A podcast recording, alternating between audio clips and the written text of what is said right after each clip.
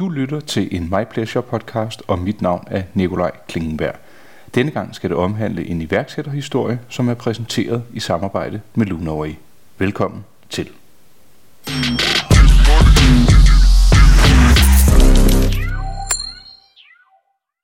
Ja, præcis. øhm, ved du hvad? Nu ruller den faktisk. Og øh, kunne du ikke være sød og præsentere dig selv? Jo. Ja. Jeg hedder Sara Gilberg, øh, også kaldet Sara G. Sara G. Jeg er sygeplejerske, og jeg er uddannet psykoterapeut. Øh, jeg har en fortid som almindelig papirkriger i forskellige store selskaber, øh, hvor jeg sidder både som koordinator og kundeservice-medarbejder og den slags. Øh, jeg har startet min egen praksis som psykoterapeut Ja. efter mange års overvejelser. Øh, jeg bor på Bornholm, og det er der, jeg har min praksis i øjeblikket. Det lyder jo lidt geografisk begrænset, hvis man kan være så fræk at sige det sådan. Men inden vi kommer til, øh, til ø-snakken, kunne du så ikke øh, være sød og fortælle, hvornår tanken om at blive selvstændig opstod? Og måske også lidt om hvorfor. De første tanker om at blive selvstændig opstod, da jeg var barn. Nå. og det tror jeg, det gør for rigtig mange. Mm. Mm. Jeg har været aktiv i forskellige græsrodsbevægelser, helt fra jeg var ung. Jeg har en, øh, en familie og nogle relationer, som har været bevæget sig i nogle alternative miljøer. Øh, da jeg var omkring øh, i starten af 20'erne, startede mit eget kunstformidlingsbyrå i København. Nå.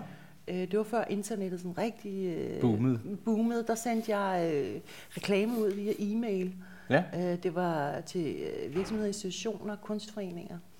Og så samlede en masse af mine kunstnervenner og skaffede nogle aftaler i hus øh, med nogle skiftende udstillinger fra nyetablerede kunstforeninger, hvor vi hængte deres malerier op, og de forpligtede sig så via nogle kontrakter til køb øh, Ja. løbende i forhold til, hvor udstillet de en måned, skulle købe et maleri, to måneder, to malerier, så kunne de få noget rabat og sådan noget hen ad vejen. Så det, var, så det kørte jeg dengang.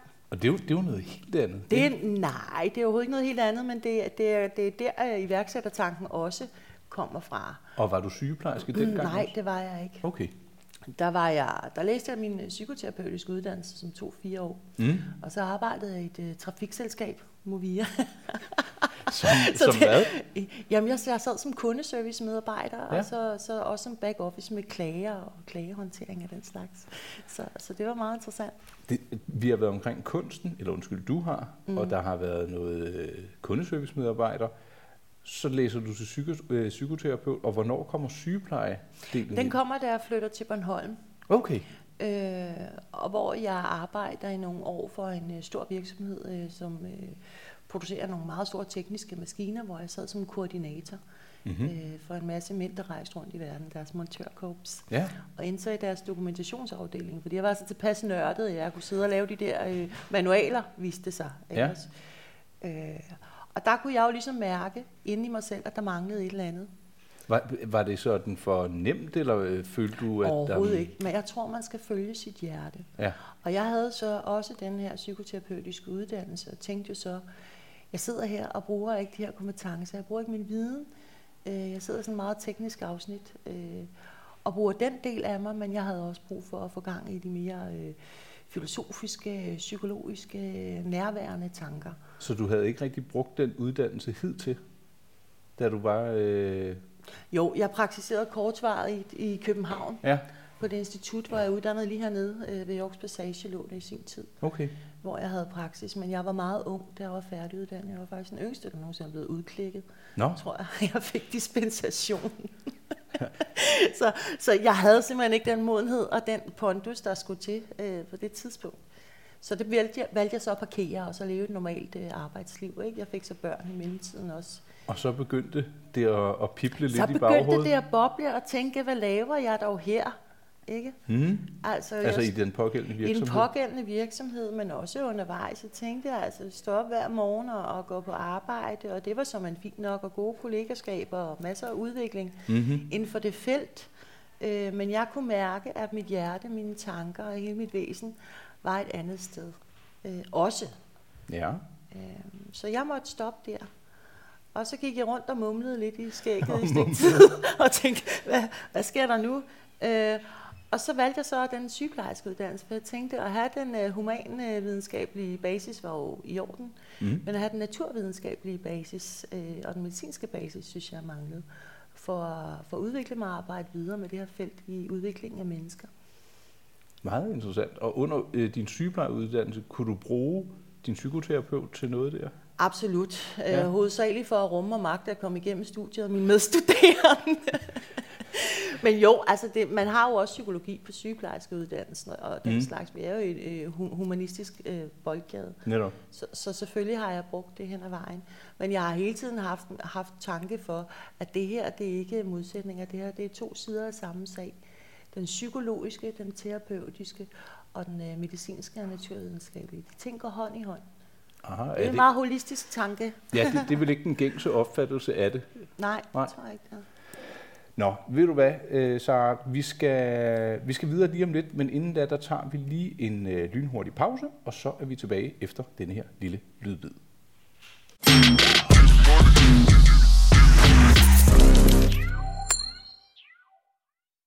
Nå, men du svarer godt for dig. Sara, ja? du bliver uddannet sygeplejerske, og øh, hvad sker der så? Får du et job umiddelbart? Jeg får job lige med det samme. Jeg søger job lige mm-hmm. med det samme. Og det er jo selvfølgelig, fordi jeg tænker, nu har jeg fået al den her viden, og fået et indblik i det her fag, så skal jeg selvfølgelig ud og prøve det af, og prøve at praktisere det. Ikke? Ja. Og jeg bliver så ansat øh, på kirurgisk afdeling på Bornholms Hospital. Ja, og hvad, hvad år er vi her, sådan cirka? Jamen, det var i 17. Okay, ja. Ja, ja. Det er omkring to år siden. Ja, det var i januar. Okay. Og så, øh, så sker der jo så det, at jeg søger job her på en kirurgisk afdeling, og det, som er særligt ved det, det er, at Bornholms Hospital er, er et relativt lille hospital, så en kirurgisk afdeling er ikke kun et speciale, altså ortopædkirurgi, eller parankylkirurgi, eller traumekirurgi. Der, der huser man ligesom det hele. Og skal du kunne det hele også? Ja, det gør sygeplejersker der. Det er, der er en meget høj faglighed. Ja. Øh, og man er selvfølgelig også tilknyttet forskellige typer grupper. Mm. Men der arbejder jeg jo så øh, indtil her, til nu faktisk er jeg stadig ansat. Ja, for hvad er det, der pludselig sker, hvis jeg nu siger noget med bornsyg? ja, der sker jo så det, nemlig at øh, den bliver jo sådan set ved, den her piblen i maven, ikke? Ja. Og tænker, jeg ser et potentiale, jeg ser en masse mennesker, der går rundt og har det rigtig skidt. Generelt eller på hospitalet? Nej, altså det er selvfølgelig blandt patienterne, men lige så meget i min omgangskreds, som mennesker jo er. Jeg er uddannet eksistentiel terapeut. Og, og kan du lige med, hvis der var et slogan til den titel, hvad, hvad går det så ud på? Det går ud på, at vi alle sammen er underlagt nogle eksistentielle vilkår, som er ufravigelige, uundgåelige. Vi fødes, vi dør. Vi må forholde os til vores egen forgængelighed. Altså, at vi må dø. Vi må forholde os til, at vi alle sammen har ensomhedsfølelser fødes alene, vi dør alene. Vi må forholde os til, at vi alle sammen har frihed, valgfrihed til at agere. Vi skal forholde os til at træffe vores egne valg, og vi er langt hen ad vejen selv ansvarlige for de valg, vi træffer. Det synes jeg lyder interessant. Det er nogle af grundpillerne i den eksistentielle psykologi. Ja. ja. Og, og det er det, du sådan, øh, de tanker og den viden, du har der, det forener mm. du, eller der kan du se, der er nogle gode match mellem det, mærke, du oplever. Jeg kan mærke, match, ja. Og jeg kan mærke, at, at jeg bare skal videre. Altså, øh, men jeg kan også se, fordi nu er jeg mor og har to børn, og jeg mm. har regninger, der skal betales, så jeg er jo nødt til at, at lave en eller anden form for, for sindrig overlap, så det her kan lade sig gøre. Ja. Øh, det er ikke det store spring. Øh, det har været et stille og roligt overlap. Mm. Det er noget, jeg har arbejdet på at udvikle, øh, og det er sket i stadig tempo øh, og været inde i sådan en flow, hvor jeg har været ude og begyndt at opbygge noget hjemmeside, begyndt at fortælle folk om det her, øh, begyndt at oprette noget Facebook-side, begyndt at tænke over, hvad er det så, jeg vil, hvad er det, jeg kan tilbyde, og simpelthen forretningsudvikle, ja. som man vil gøre med en hver anden type forretning. Så går man ind og definerer, hvem, hvem er min målgruppe, øh, hvad er det for nogle produkter, jeg har, Ja, netop. Øh, og hvad skal de koste, og hvad forventer jeg så, jeg kan tilbyde folk, og hvad forventer jeg, de får ud af det. Mm-hmm. Det er jo et køb og salg, det er en vare, som så mange andre. Det er bare en, en anden form for personlig ydelse. Ja. ja, det er jo ikke noget, man kan tage på, men det er noget, man kan tage ind i sindet og forhåbentlig få det bedre af. Ja, det, det, det tænker jeg, det er. Og, og vi lever også i, i en verden, hvor, hvor livet er meget fragmenteret. Det er komplekse liv, vi lever. Rigtig mange mennesker er, er utrolig ensomme øh, og kan ikke finde deres vej i de mest elementære, grundlæggende ting, fordi vores familiekonstellationer øh, har ændret sig, vores samfund og vores nære relationer har ændret sig. Nå, på, på, til det bedre, eller til det vil du måske ikke være dommer det, over? det skal jeg ikke gøre mig til dommer over, men vi kan jo i hvert fald konstatere, at det er jo ikke kun mig, der siger det, at der er nogle strømninger i vores øh, samfund, og måden tingene udvikler sig, også bag sociale medier osv., måden vi kommunikerer på, som gør, at vi som mennesker ikke føler os tilknyttet til de samme, hvad kan man sige, øh, fællesskaber, som man gjorde øh, før i tiden. Øh. Men hvis man nu er født ind i det her, den her nye verden, mm. bliver det så det nye normale, eller skal vi, skal vi generelt opdrage og agere anderledes for at få en bedre lykkefølelse i det her nye? nu er du ude på de store filosofiske baner ja. her. Altså, det ved jeg sørme ikke. Det må der være nogle samfundsforskere eller nogle fremtidsforskere, som, som måske ved noget om. Ja, det, det var egentlig også min Men vores, familie, der vores familiedynamikker ændrer sig ja. naturligt. Selvfølgelig gør de det. Og vi kender jo ikke resultatet af, af, af vores generationer, der er opflasket med iPads og, og teknologi på det niveau, som, som vores børn er i dag. Præcis. Vi ved simpelthen ikke, hvad det gør i vores hjerner. Der er noget forskning, der tyder på, at når du sidder og kigger på sådan en skærm, og ved ikke, hvordan udstrømmer, det er måske 5.000 lux eller sådan noget, mm. så påvirker det også din øh, perception af dine omgivelser. Og det påvirker dit humør. Det påvirker nogle centre i din hjerne, som gør, at du også begynder at agere anderledes. Også okay, i relation ja. til andre, men også i forhold til, til døgnrytme og i forhold til, øh, til hormonproduktion og sådan nogle ting. Så vi, vi kender ikke langtidseffekterne. Det kunne være, at jeg skulle have haft mine spørgsmål og noter på den gamle blok, der jeg ligger troede, nede i tasken. Jeg skulle, skulle være, at jeg skulle have haft mine briller på. Skærmbriller. Ja, ja, det bliver vel det næste. Sara, rent praktisk, når man skal etablere sig som selvstændig, hvad hmm. skete der for dit vedkommende? Var, var der noget med, skulle du bruge til en bank? Ja, og... altså, nu nærmer vi os ligesom uh, sagens kerne her, ikke? Ja. Fordi når man som mig har været enlig mor igennem en årrække, og generelt ikke har verdens uh, smukkeste økonomi, det er der ingen sygeplejersker, der har. Nej. Uh, så er man der, hvor man er nødt til enten at gå ud og låne nogle penge, mm. eller bruge de, de penge, man nu har. Uh, det lille bitte overskud, det kunne være. Og man skal ud og spørge en bank om en erhvervskonto efter man har oprettet sit CVR-nummer og så videre. Ja, det, det går øh, nemt nok. Jeg er jo registreret ligesom ja. så mange andre.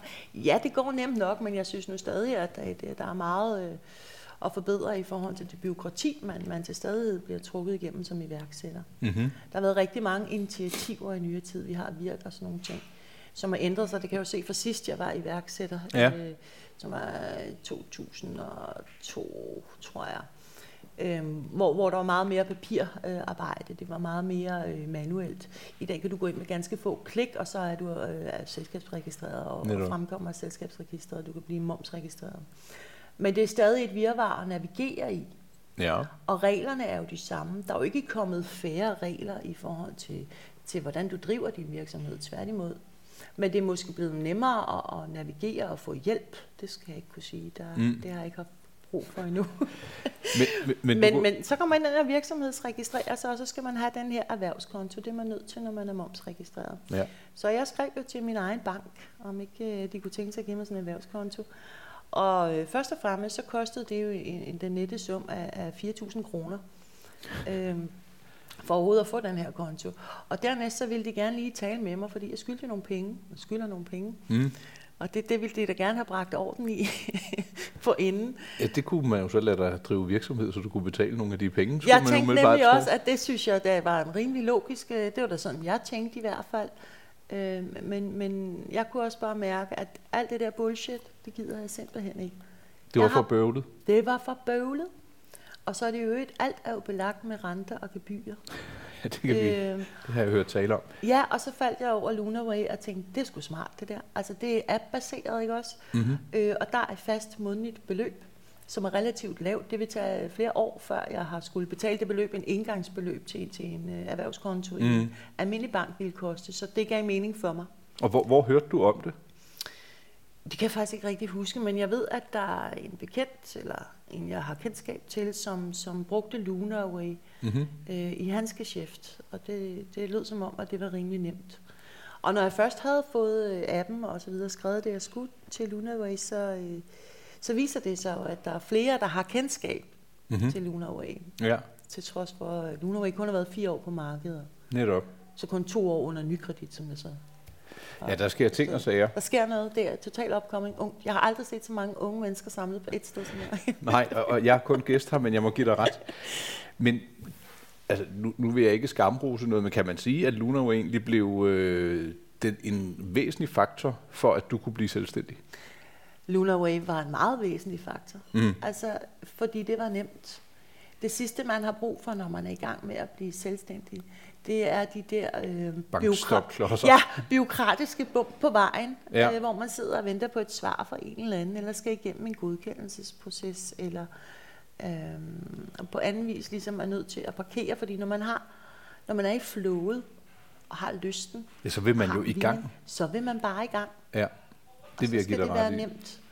Og det var jo nemt, så det var, det var faktisk ikke hen at blive det mindste af mine problemer lige pludselig. Det var klik, klik, klik, så var det ligesom i orden. Ikke? Det tog lidt tid at få sådan et kort tilsendt, men det er måske fordi, jeg bor på, på en ø. Det ved Det jeg skal ikke. sejles eller flyves derud. det skal eller andet. Vil du være så lige om lidt, så øh, er vi tilbage igen, og så vil jeg godt høre lidt om, øh, hvordan det så er gået efterfølgende. Okay.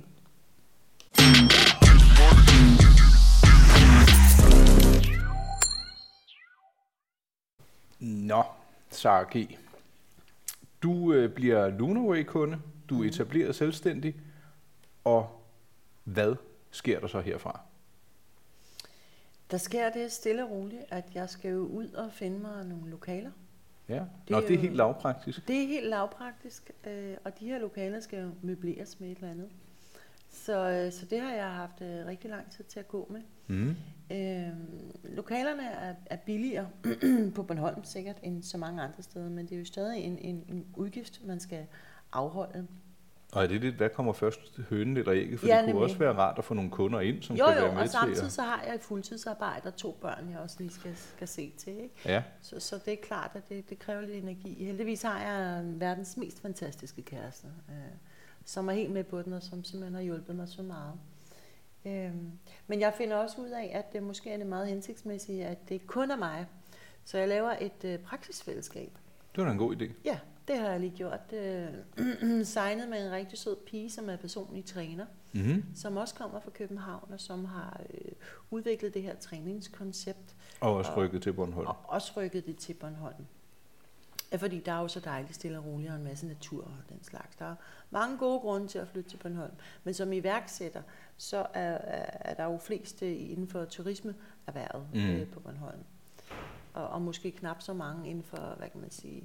Der er en stor, øh, hvad kan man sige, alternativ øh, gruppe af mennesker, som bevæger sig med meget alternative fløje med alt muligt krystaller og healing og ting og sager og sådan noget. Det er der faktisk et meget stort marked for På Bornholm. på Bornholm. Ja. Øh, lige præcis den her med psykoterapi, coaching og sådan noget, det ved jeg, det kan være en lille smule mere bøvlet, fordi det handler jo også om den kultur i- forhold til det marked, vi er på. Ja, og hvis jeg må gætte, jeg kunne forestille mig, at det måske er lidt... Øh, hvordan, altså, det, det, jeg hører to ting, fordi der er plads til det alternativ med krystaller Mm. og halløj, undskyld udtrykket. Mm. Men hvor- hvordan tager øh, virksomhederne imod sådan en som dig, hvis du vil ud og tilbyde dem psykoterapi? Det bliver svært at tilbyde en virksomhed psykoterapi, men du har ret i, at der kan være nogle løsninger, Ja. der kan være nogle forløb og nogle, nogle pakker og nogle, nogle, nogle konstruktioner, som kan hjælpe medarbejderne til øget tilfredshed og arbejdsglæde og den slags. Ja, så jeg må lige springe et hak tilbage. Går du primært efter at hjælpe private? Det er privat. Ja, Det er privat. udelukkende? Eller? Ja, som det er nu, men, men du har da fuldstændig ret. Øh, Hvis markedet var til det, så ville jeg jo elske, hvis jeg kunne gå ud og hjælpe nogle medarbejdere øh, til, til større tilfredshed i deres arbejdsliv. Altså, øh, der findes den her berømte sætning, øh, en øh, rigtig dygtig øh, virksomhedspsykolog, og, øh, tidlig, som har haft en karriere i forsvaret, som hedder Karen Schultz, har skrevet en bog, som simpelthen handler om, lever du for at arbejde, eller arbejder du for at leve? Mm. Rigtig mange af os, og især sygeplejersker, har store dele af deres identitet hængt op på deres erhverv.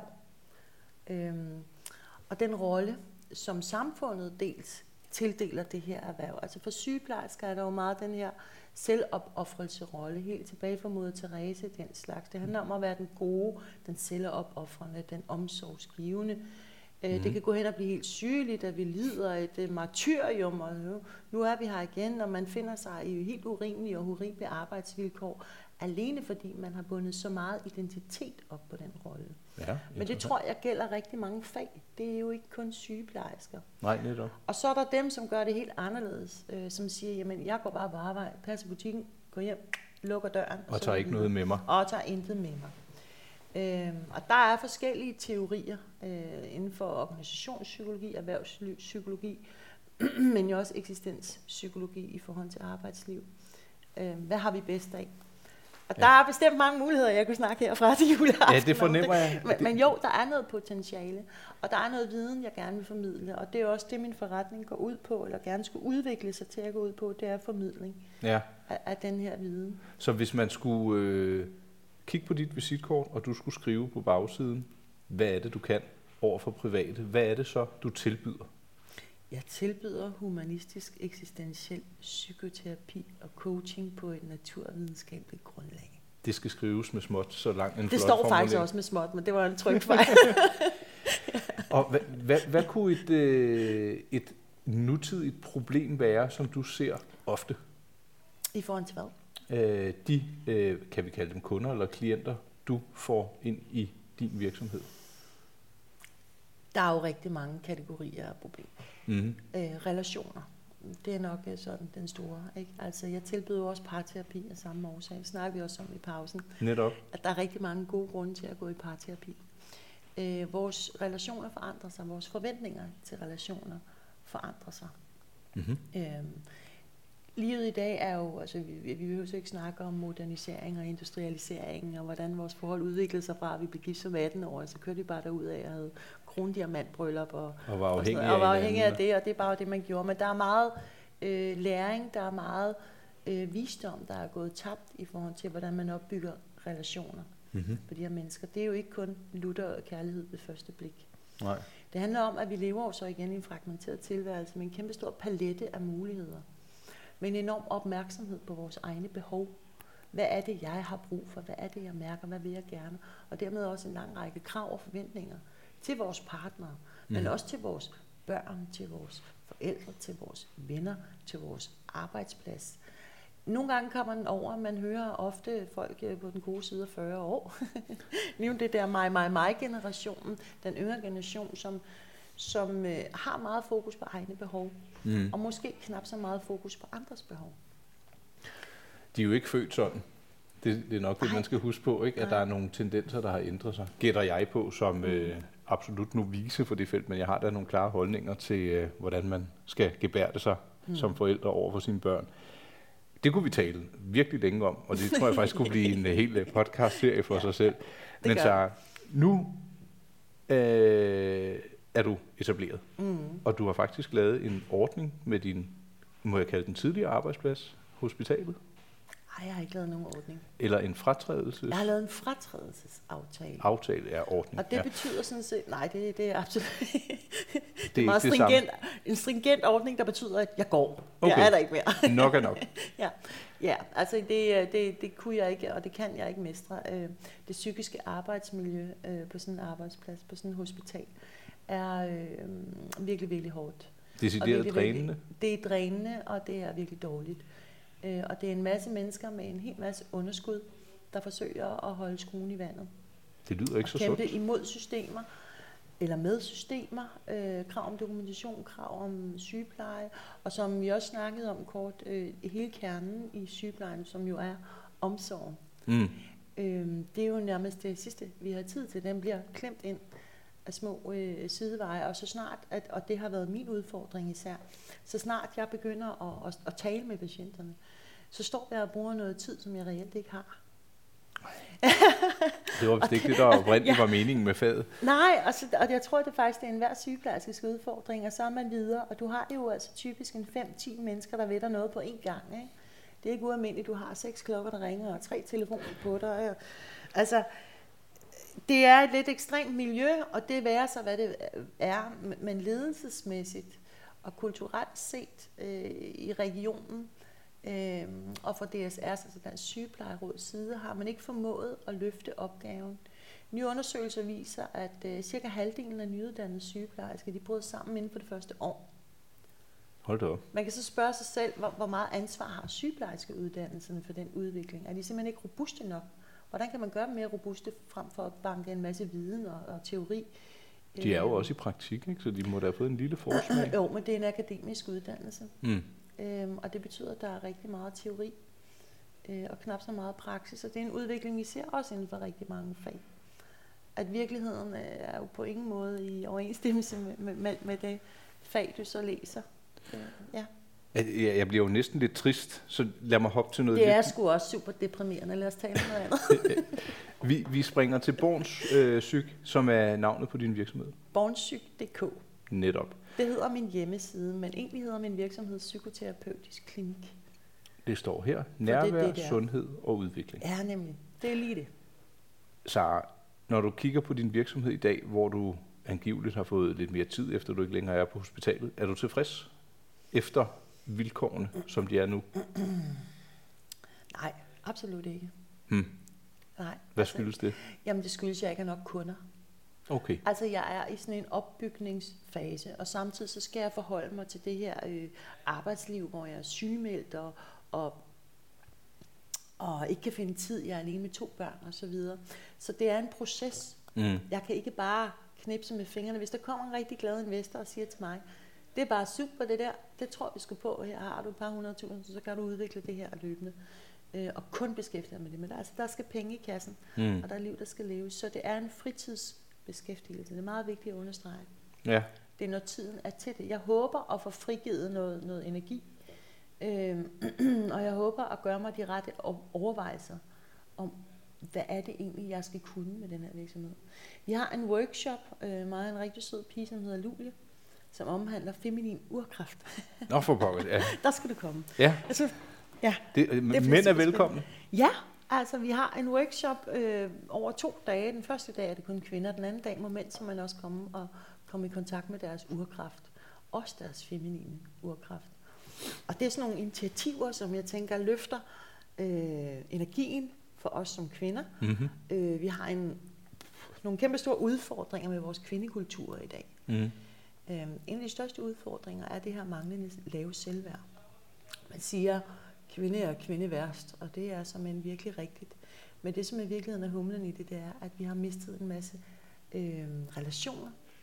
Der øh, kommer de omkring- igen, de vigtige relationer. Ja, og vi har mistet en masse, øh, hvad kan man sige, øh, identitet i kraft af vores kvindelighed, og en masse tiltro til vores kvindeligheds styrker. Det at være feminin er jo på mange måder en styrke, ligesom omsorg er en styrke. Altså, det kunne jeg snakke herfra til juleaften om, men jeg synes, du skal komme og deltage. Men det er sådan nogle ting, som jeg tænker kunne løfte øh, vores viden, vores udvikling på en lille ø som Bornholm ja. som er meget bundet op på nogle faste traditioner og måder at tænke på. Så det, det lyder som om, at det er, hvis jeg skal sige det mildt, det er udfordrende for tiden. Men er du optimistisk omkring alt det her? Absolut. Absolut. Altså, jeg har en viden, jeg har et budskab, jeg har en, et produkt, jeg gerne vil sælge, som jeg gerne vil ud i verden med. Ja. Jeg skal bare finde ud af, på nuværende tidspunkt, ligesom alle andre iværksættere, hvordan er markedet? Mm. Hvad er potentialet? Øh, Hvad kan vi udvikle? Hvad er produktet? Hvordan kan produktet udvikles? Og stemmer de to ting overens, eller skal vi justere på det ene eller på det andet? Og det charmerende ved at være selvstændig er jo, at lige pludselig kan virksomheden tage en meget kraftig drejning, som Ja. viser sig at være den helt rigtige vej. Nemlig, Øh, fordi i pausen, der talte vi også om, jamen Bornholm skal det være der for altid. Ikke nødvendigvis, kunne jeg forstå. Mm, mm. Øhm, men her på faldrebet kunne jeg godt tænke mig at bede om et par guldkorn, som vi kan bringe videre til dem, der måtte overveje selv at blive selvstændige. Mm. Hvis du sådan skulle skrive to streger og så en lille lektie og et facit om det, du har lært hidtil i forbindelse med dit virke som selvstændig, hvordan vil det så lyde? så vil det lyde sådan her. Du behøver ikke smide alt, hvad du har i hænderne, og føle, at nu står jeg ved afgrunden og skal kaste mig ud i det. Og etablere selvstændig virksomhed, det kan godt være en glidende, stille og rolig proces med overlap i forhold til, hvad du ellers laver i dit liv. Det har jeg gjort tre gange. jeg er i gang med det for tredje gang. Og det kan sagtens lade sig gøre. Lad tingene udvikle sig stille og roligt. Hvis du står i sted med børn og forpligtelser og, og den slags, lad tingene ske stille og roligt. Men jeg tror også, vi skal se, at der findes mange typer øh, selvstændige. Altså Præcis. iværksættere. Der er dem med den originale idé, altså hvad ved jeg, et svampebatteri, eller sådan et eller andet smart, der kan noget. Som har et fysisk produkt. Som har et fysisk produkt, de har udviklet øh, og fået måske patent på og den slags. Og så findes der en, en lang række inden for nogle forskellige servicefag, øh. Mhm. alt fra fødevareproduktion til at sy hatte og altså den slags, ikke? Øh, industribranchen øh, er jo nok også lidt selvstændig lige der. Netop. Og så har vi jo så hele den øh, humanistiske del, og den, som, som handler om udvikling af mennesker. Og det er jo en kæmpe stor broet område. Alene det, som hedder psykoterapi, coaching, psykologi, den slags. Mm. Og der tror jeg allerede, de fleste inden for den boldgade, jeg bevæger mig i, har det som sidegeschæft i en periode, før det bliver en, en, en hoved primær kilde til indtægtskilde. Ikke? Det var faktisk så- også sådan, det var for mit eget vedkommende, og jeg, jeg må give dig ret og, øh, og sige, det er, altså man, alt kan lade sig gøre, hvis man overvejer ideen, man lader den vokse, man prøver det af, hist og pist. Der er ingen grund til, som du siger, at sige, nu er det den første, det ene eller det andet, nu siger jeg farvel til alt andet, og så starter jeg fra bunden. Det er jo tilladt at begynde at rumstere lidt med nogle tanker og skrive nogle ting og sager ned på et papir, og så prøve dem af på idéfasen blandt venner og, Ja. og familie. Men du har fuldstændig ret. Fuldstændig. Og det, som det, det aller, allermest handler om, set fra sådan et, et, et, et psykologisk perspektiv, det er jo at tro på dig selv og give tankerne plads. Mm. Du, og det er jo at, at, at være opmærksom på, hvad der sker, når jeg begynder at tænke de her alternative tanker og få idéer. Netop. Øh, det er at tage dem alvorligt. Tag dine idéer alvorligt. Og hvis de dukker op ofte nok, så er det også typisk et tegn på, at der er noget ved dem. Så er der nok noget at snakke. Ja. Så jeg vil godt sige uh, tak, fordi du tog turen uh, fra Bornholm til København for at deltage i uh, den her podcast. Det har været interessant at høre din historie, og så uh, ønsker jeg dig af gode grunde alt muligt uh, held og lykke med, uh, med dit projekt, det, som du er jo allerede i gang. ja, jeg er fuld gang. Der sker en masse. Og uh, ja, med de ord, så uh, siger vi tak for nu, og tak for lån af dine ører.